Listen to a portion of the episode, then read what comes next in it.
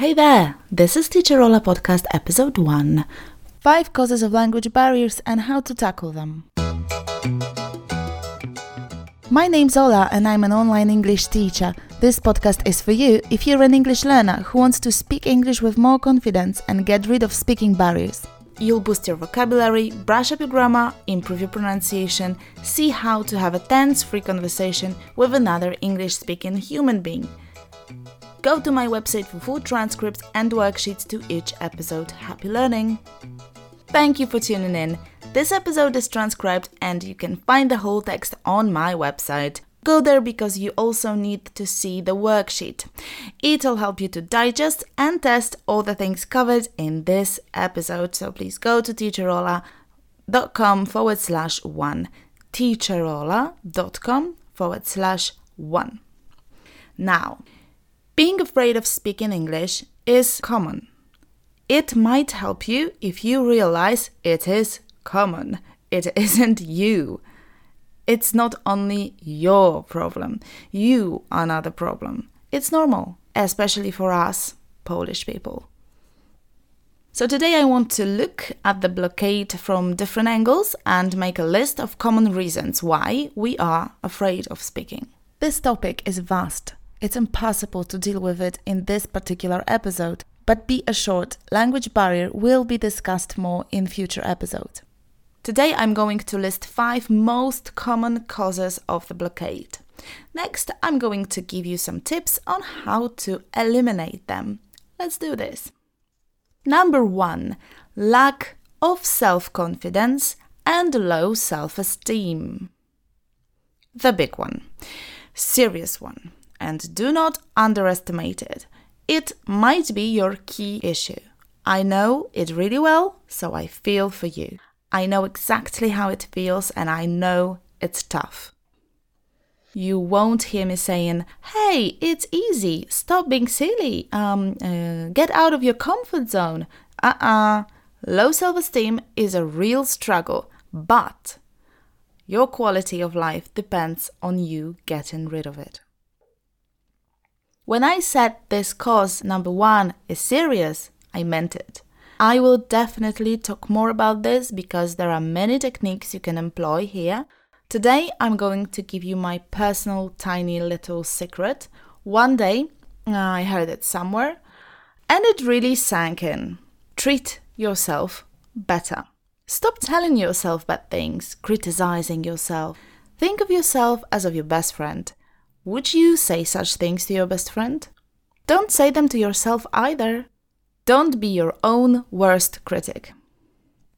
Number two, fear of making grammar mistakes. Not only grammar mistakes, but actually all mistakes. We all make them. We, humans. Stop being a perfectionist. I'll say it again. Be good to yourself and allow yourself to mistake. Perfectionism is destructive it can harm your self esteem. So, you see how it's connected? Listen to this.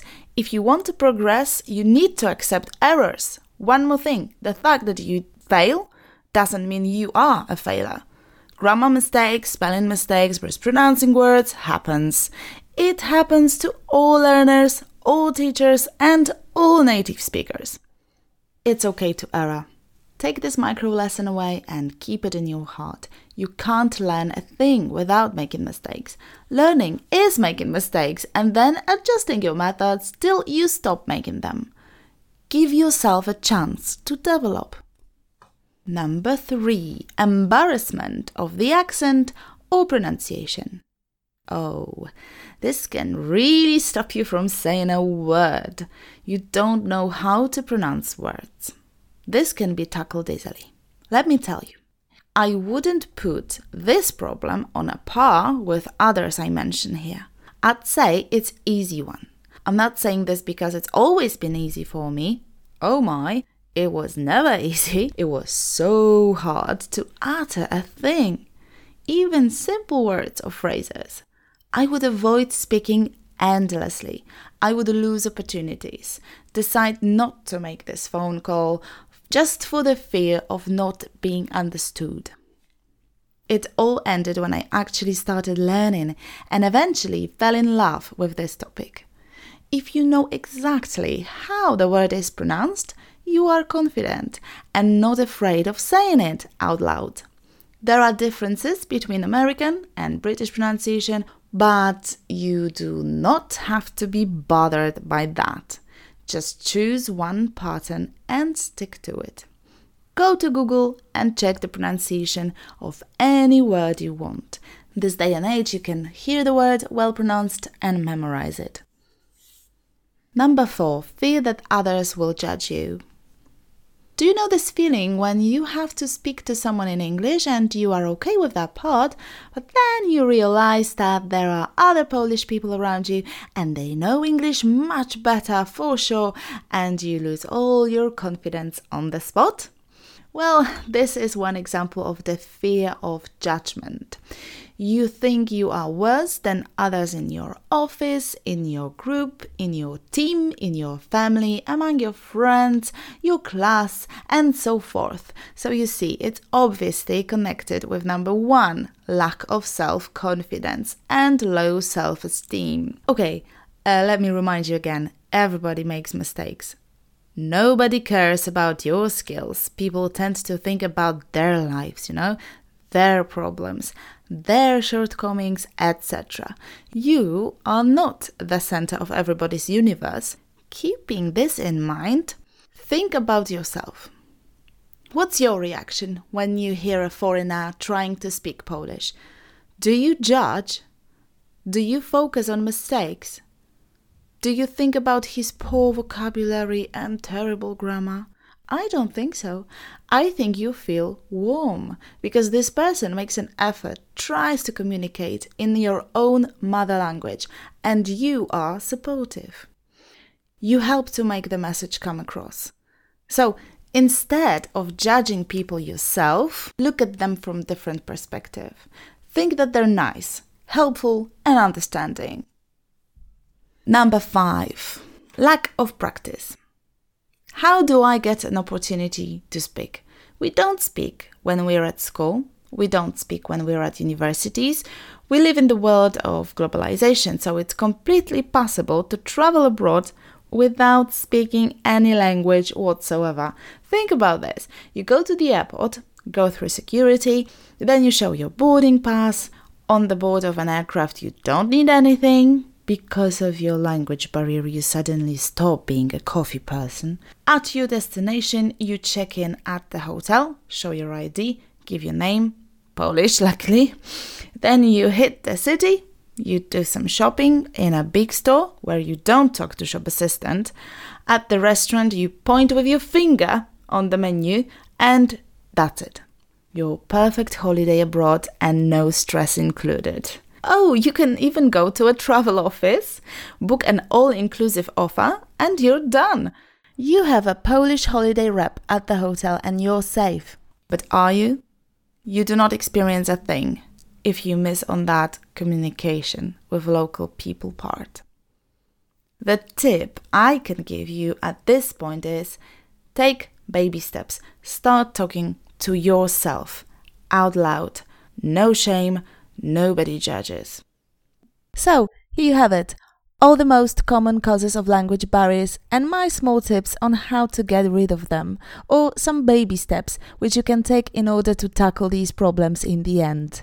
Make the first step and practice with me. Try to repeat all the sentences I'll say now.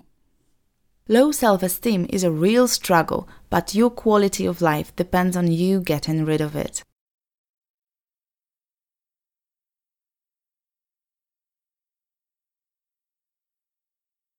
Learning is making mistakes and then adjusting your methods till you stop making them.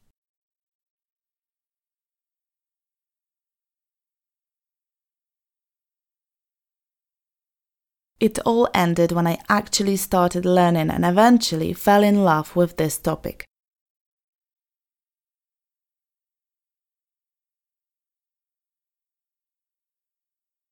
You help to make the message come across.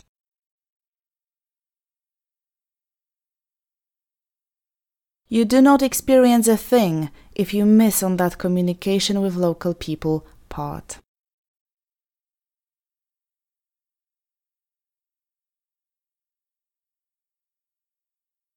Just a quick summary. The five main reasons of your language barrier might be number one, lack of self confidence and low self esteem, number two, fear of making grammar mistakes, number three, embarrassment of the accent or pronunciation, number four, fear that others will judge you, and number five, lack of practice. And now, do you recognize any of these causes of language barrier I've mentioned today? Which one has been your struggle? Maybe it's not anymore. Or maybe you have a different issue. Please share, let me know it, and I'll do my best to help. Go to teacherola.com forward slash one and leave a comment there. There you'll also find full transcripts as well as worksheets.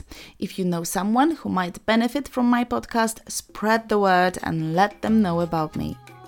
Next episode is all about small talk how to start it, how to lead it, how to finish it, um, and make it a pleasurable conversation. Subscribe and do not miss it. Have a great week. Till next Wednesday. Happy learning. Bye.